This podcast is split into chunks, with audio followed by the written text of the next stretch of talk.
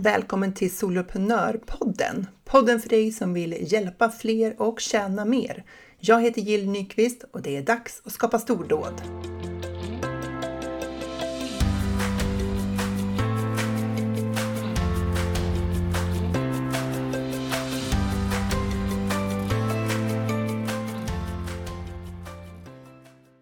Som företagare jobbar du ju för att hjälpa människor och det är ju hela poängen med företaget. Att någon betalar dig för att få sitt problem löst. Och om du har flyt så hjälper du ju andra med sånt som kommer lätt för dig. Som, som andra kanske har svårt för, men som kommer med enkelhet för dig. Och ibland så är det faktiskt så att vi tjänar mest pengar på det som kommer enklast för oss. Och då är det ju som magi. Och att hjälpa en kund i det läget, det ger ju energi istället för att ta energi. Du lämnar kunden nöjd både med din egen insats och att kunden är nöjd med att få hjälp. Och i den bästa av världar så jobbar vi bara med kunder där det flyter på, vi är på samma våglängd, har lätt för att kommunicera och samarbetet flyter på. Förväntningarna är klara eller så bara ger de sig med lätthet, det bara löser sig. Inga konflikter, inga clincher eller friktion. I verkligheten så fungerar ju inte alla samarbeten med kunden på det sättet. Och för den delen inte alla samarbeten med olika samarbetspartners heller. Och man kan faktiskt till och med dra det till att alla relationer funkar inte så. Men vi håller oss till kunder i det här sammanhanget. Men hela det här resonemanget kan du förmodligen överföra till både partner, barn och vänner och alla relationer du har. Har du varit med om någon gång att du tyckt att, eh, att en kund har varit besvärlig. Att du blir irriterad över frågan i det mejlet du har fått eller vad de ställer för fråga i inlägget i gruppen. För du tycker att de har gått över gränsen. Att de kanske kräver mer än vad som är rimligt. Det kan vara en kund som vill flytta en deadline eller plötsligt ha, ha sin leverans tidigare. Eller som vill förlänga sin hjälp utanför den avtalade tiden eller någon som vill dela upp sin betalning trots att ni har kommit överens om motsatsen. Någon som vill avsluta ett samarbete trots att avtalet är tydligt om tidsperiod. En kund som inte betalar fakturan eller som säger att ni har kommit överens om någonting annat. Ja, eller en miljon andra varianter av saker som uppstår. Det är svårt att kommunicera i skrift, särskilt när vi inte riktigt känner varann. I direktprat så kan vi höra nyanser i rösten och se ansiktsuttryck och vi kan på ett lite smidigare sätt ställa klargörande frågor. Men i skrift, då blir orden snabbt lite hårda. I alla fall i hur vi läser och tolkar dem. Eh, det, det var väl förmodligen därför alla de här emojisarna dök upp. Vi har liksom ett behov av att nyansera oss i text på ett sätt som orden inte riktigt medger alla gånger. Särskilt tänker jag när vi skriver snabbt i mail och i mess, meddelande, direktmeddelande och så vidare. Beroende på vårt eget sinnestillstånd så tolkar vi dessutom de här orden olika. Alltså hur vi själva, vart vi själva är någonstans. Om vi är stressade, trötta eller om vi är pigga, alerta, om vi är positiva, om vi har en dålig dag och allt det där. Och beroende på vilka åsikter vi har om den här personen så tolkar vi också orden utifrån det. För det skulle nog kunna vara så att orden som kommer från en kund som du irriterar dig på, de tolkar du på ett helt annat sätt än om liksom exakt samma ord skulle komma från en kund som du har den bästa tänkbara relation med.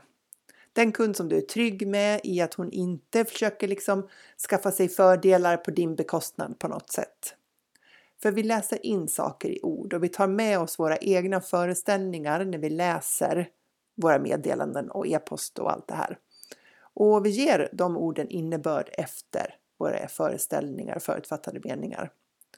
Det kan vi göra när vi ses också och pratar, men det ger liksom mer utrymme för nyanser när vi träffas jämfört med när man läser text.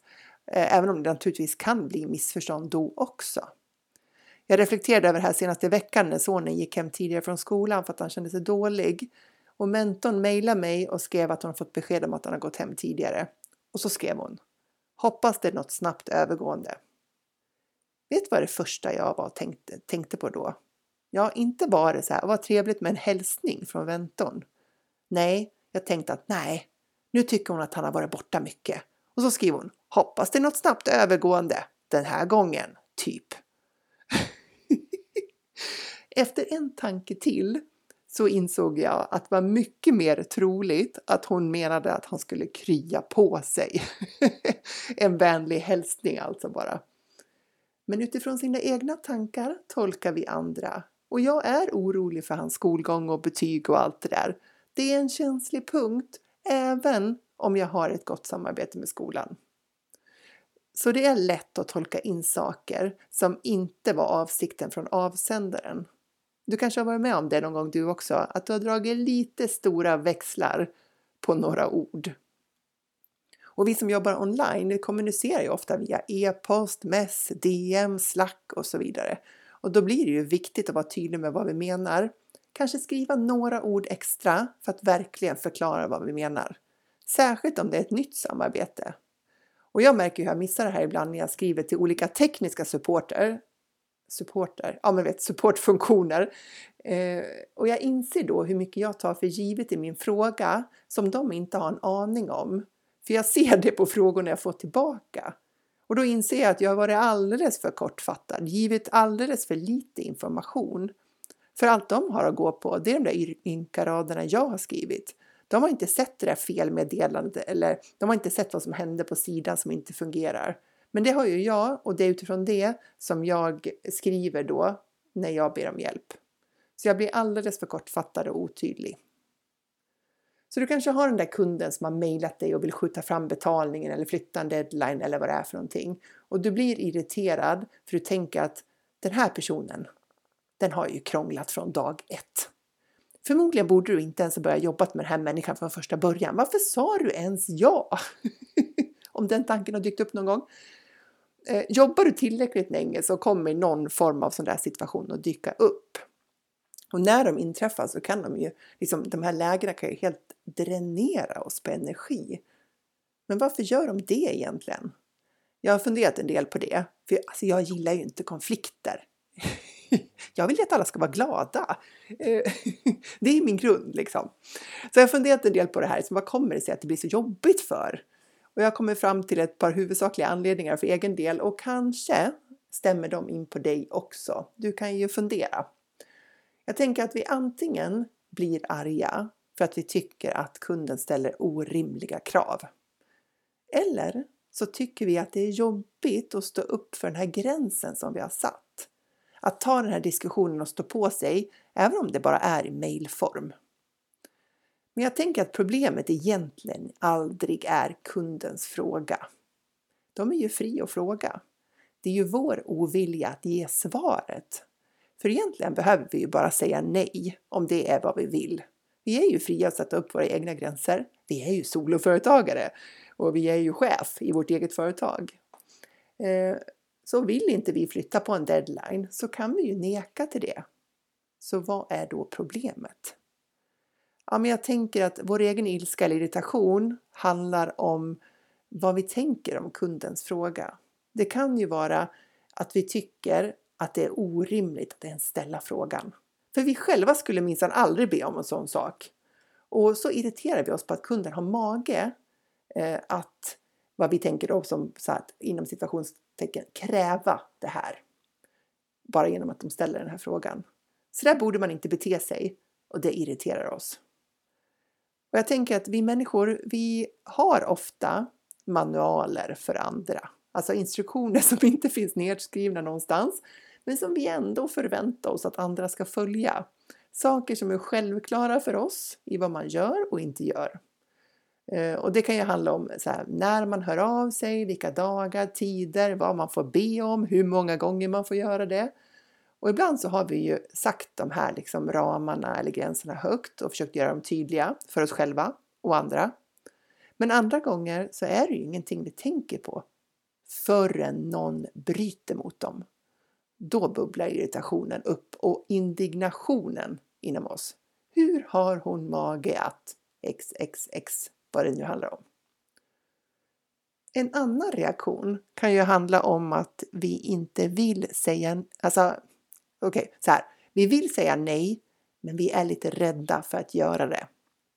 Vi vill göra den andra personen till lags, inte orsaka något ståhej. För att vi vill ju att kunden ska gilla oss, att kunden inte ska tycka att vi är besvärliga eller kanske säga elaka saker bakom vår rygg. Så vi blir arga för att vi, det känns som att vi ställs inför två till synes helt omöjliga val. Antingen så går vi kunden till mötes och gör våld på våra egna ramar och gränser. Eller så säger vi nej och så får vi ta obehaget av att göra det. Så vår egen ilska handlar då om att vi står inför två val som båda innebär jobbiga känslor. Antingen att vi känner oss mesiga som inte står upp för våra egna gränser eller att vi blir oroliga över att göra någon annan arg eller besviken. Och vi vill ju inte känna oss besvärliga och vi, de flesta av oss vill ju vara omtyckta. Helst av alla, men särskilt av våra kunder. Så ilskan och frustrationen handlar om att vi tycker att kunden genom sin fråga har satt oss i en risig sits som vi inte kommer ur utan att det blir jobbigt på något sätt. Och vi vill ju inte helst ha det jobbigt och inte obehagligt. Så hade kunden inte frågat efter det här så skulle vi inte vara i det här läget. och det är klart, utifrån det resonemanget, då blir ju kundens fråga boven. Oftast tänker nog inte vi på våra reaktioner utifrån de här perspektiven. Men tänk tillbaka på de här lägena när du har blivit arg på en förfrågan. Har det ibland handlat om något av det här? Att du antingen tyckt att kunden har varit ett pucko som ens har ställt frågan eller att du vill säga nej men du är rädd för konsekvenserna av det. Dina egna obehagskänslor antingen inför kundens reaktion om du tror att den blir kraftfull eller din rädsla för att hon ska tycka illa om dig. Om du säger ja, trots att du inte vill, så kanske du gör det med en irritation som blir kvar hos dig. En trist känsla av att det är fel och att du antingen borde ha gjort något annat eller att kunden aldrig borde ha frågat. Och det kan ju påverka hur du agerar mot kunden, hur du tolkar kundens agerande framåt. Så samarbetet kan ju bli klart svårare av det här eftersom du har med dig det här och minsann är beredd på att så här kan det bli igen. Och på så vis kan vi ju själva försämra samarbetet med en kund utan att vi ens är medvetna om det. Det är inte särskilt smickrande när vi ser på våra egna motiv för varför vi gör som vi gör eller känner som vi känner ibland. Och poängen med det här resonemanget är ju inte att vi ska klanka ner på oss liksom, över hur vi hanterar våra relationer. Vi är ju människor och vi reagerar ju som människor gör. Men jag tänker att när vi är medvetna om det här så kan vi ju välja att hantera situationen på ett annat sätt. För antingen så säger vi nej och så hanterar vi det obehag som vi själva känner inför att säga nej. Eller så övar vi på oss att stå, liksom, vi övar oss på att eh, stå upp för våra egna gränser. Och vi övar oss på att känna de här obehagskänslorna som kanske eller förmodligen kommer. Och om vi inser att vi överlever dem och att vi faktiskt också upplever framsidan av det, liksom uppsidan av att ha stått upp för våra egna gränser. Stoltheten av att ha hållit i någonting som var viktigt för oss. Kunden kanske får en kraftfull reaktion eller så får hon inte det, för den där rädslan bara satt i ditt huvud. Kanske kommer kunden att baktala dig, men om det händer, då är det ju tråkigt. Eh, men du vet varför du gjorde som du gjorde. Jag vet varför jag gjorde som jag gjorde. Och du är nöjd med skälet, med anledningen till varför du valde som du valde. Eller så går du med på kundens önskemål och är nöjd med det beslutet.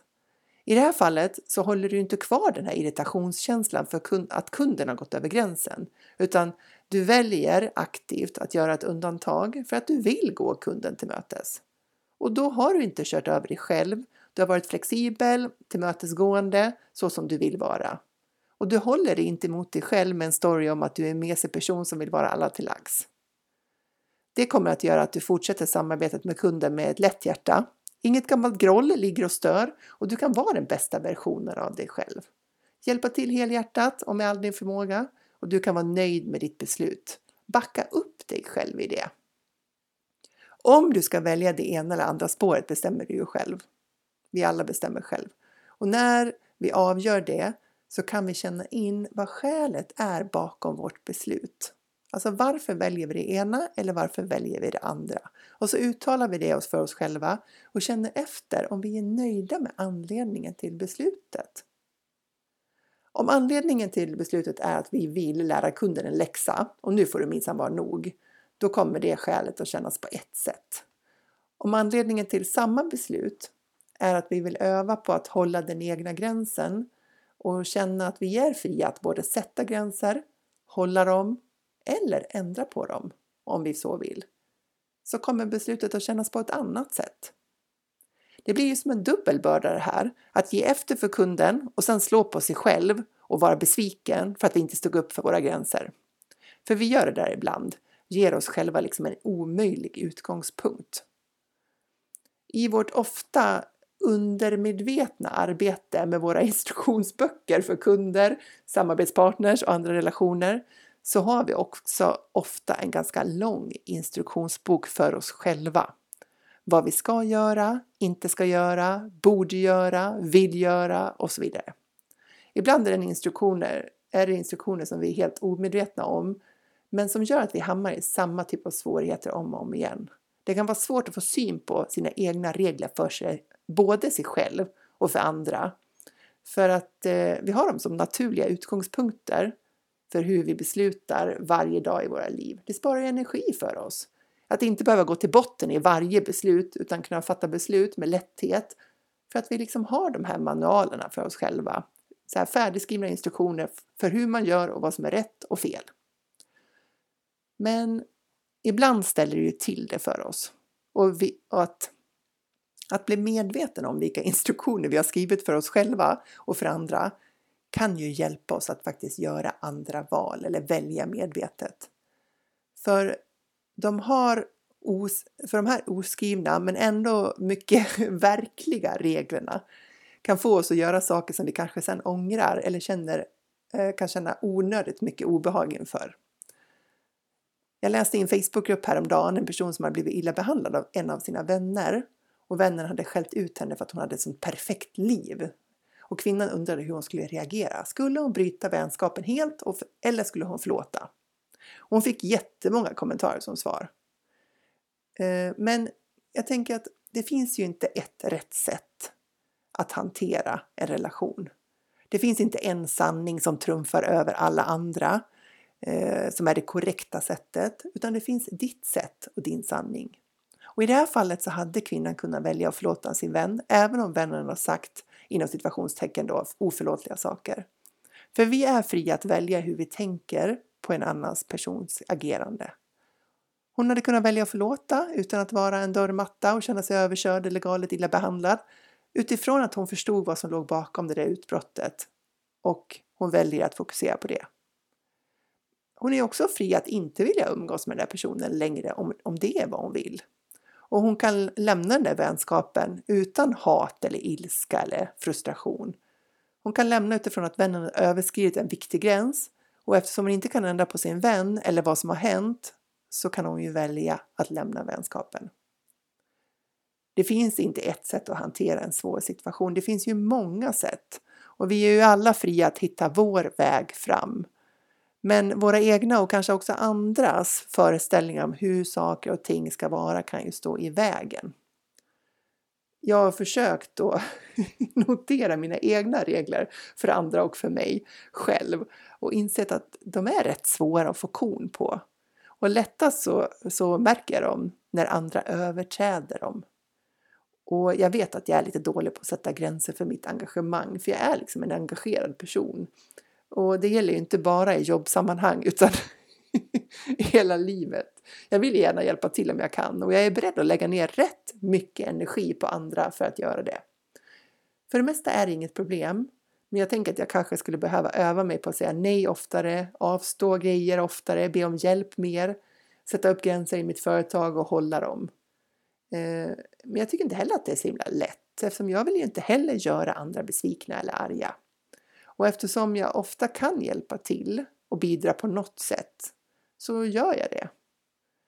Och även om jag är lite dålig på att sätta gränser och säga nej så vet jag att, eh, att så här, apropå medvetenhet, jag vet att jag är det. Jag gör inte så jättestor affär av det.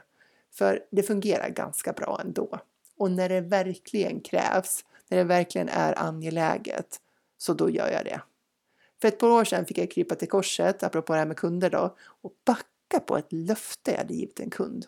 Jag hade sagt ja till ett uppdrag som jag blivit erbjuden, som jag i stunden inte kunde tänka klart kring. Så jag sa ja, för det är ju ändå mitt default-läge default att säga ja. Eh, men jag tillbringade en hel sommar åt att ångra det där beslutet, för det skulle vara liksom börja på hösten. Så på höstkanten, då fick jag bita i det sura äpplet och säga att jag tyvärr faktiskt inte kunde ta mig an det här uppdraget. Det var inte rätt för mig. Och det var inte rätt för mitt företag framåt. Det var förvisso bra ekonomiskt, men det var inte rätt. Och det var ju inget roligt samtal med den kunden, men när jag hade gjort det, då kändes det hela kroppen att det var helt rätt beslut. Vilken lättnad! Och när hade du den där känslan senast? För den är värd att påminna sig om när vi står inför ett knivigt läge, även om det inte handlar om något kanske stort. Jag tänker att det viktiga är väl att vi inte lurar oss själva, för vi kan ju vara lite grann av experter på att lura oss själva. Eller också är det bara jag. Men vi kan liksom hitta på anledningar om vad saker och ting handlar om som låter bra, men som egentligen inte är grundorsaken till varför vi gör som vi gör. För det kanske inte är kundens fråga som är problemet. Det kanske är vår egen reaktion på det och oviljan att ta det där kortsiktiga obehaget av att göra någon besviken. För en del personer så är ju det här inget problem alls eller eh, väldigt sällan ett problem. Och kanske är du en av dem som inte har några problem att säga ifrån när det behövs. För du tycker att det är självklart att du har dina gränser och andra har sina. Inga problem. Och har de problem med sitt, ditt beslut så får ju det stå för dem. Och till dig så vill jag säga toppen! för hur mycket enklare vore det inte om vi alla slutade försöka ta hand om och försöka parera för andras eventuella känslor? Om vi utgick från att vuxna personer klarar motgångar, framgångar, besvikelser och lycka precis lika väl som vi själva gör det. Vi är inte ansvariga för att någon inte ska bli besviken eller för att någon ska bli lycklig. Däremot är vi ansvariga för våra egna handlingar, motiven bakom dem och våra tankar och sådär. Att lämna över till andra att få känna vad de känner handlar ju inte om att vara oempatisk eller att inte bry sig om andra människor, att vara otrevlig och tänka att det, får väl, det är väl deras problem. Ta mig som jag är eller inte alls. Liksom. Det handlar inte om det. Utan det handlar om att fokusera på den enda person du faktiskt kan påverka. Den enda personen som du faktiskt har rådighet över. Även om det inte alltid känns så. Och det är ju dig själv. Och att låta andra få påverka den personen de kan påverka, det vill säga sig själva. Att låta människor få ha sin reaktion oavsett om den är positiv eller negativ. Det är ju lättare sagt än gjort, i alla fall för några av oss. Särskilt för oss som har övat rätt länge på att försöka hantera och parera andra personers känslor. Jag kan numera skratta lite på ett snällt sätt åt mig själv när jag inser vad det är jag håller på med. Att jag först kan tolerera någonting i månader och sen plötsligt får jag nog. Och då minsann blir jag arg och frustrerad. Men hur ska den förstå, liksom personen förstå vad det handlar om? Ja, men det är som med barnen. Vad ska jag ta för exempel? Ehm, ja, men låt säga att, att eh, vi har ett läge där barnen har haft mobilen vid middagen varje dag under flera veckor. Och sen en eftermiddag, då får vi liksom spunk. Då blir vi jättearga och säger att nu får det vara nog och så blir vi så här ilskna och sätter ner foten och, och sådär. Ehm, men om jag förväntar mig ett annat beteende av någon så behöver jag nog säga det på ett snällt sätt. Inte förvänta mig att de ska läsa mina tankar eh, för att det ändå är självklart, det vet ju alla. Och sen till sist smälla av för att de inte läser mina tankar och inte gör som jag vill fast jag inte har sagt någonting. Och när jag inser att jag har hållit på så, då kan jag ändå liksom fnissa lite åt mig själv. För det är ju inte det smartaste eller mest effektiva sättet att få till en förändring. Eh, och i det fallet så är det förmodligen jag själv som ställer orimliga krav, inte barnet eller kunden eller samarbetspartnern. Ja, ja, du fattar. Eller så gör du inte det. Berätta gärna vilka erfarenheter du har av att hantera kunder som du tycker beter sig illa eller ställer orimliga krav. Är det lätt att parera det? Eller har du svårt för det? Hur som helst så tänker jag att jag är rätt säker på att ju mer medvetna vi blir om oss själva, våra tankar och känslor, desto lättare har vi att skapa våra stordåd.